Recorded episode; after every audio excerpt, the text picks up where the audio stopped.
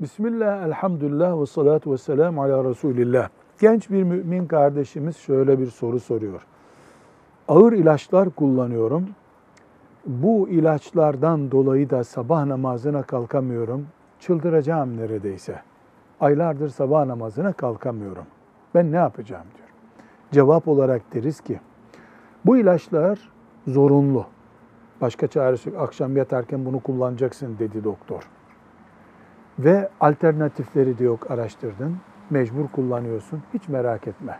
Kalkar kalkmaz sabah namazını kaza edersin. Allah kimseye takatının kaldıramayacağını emretmez.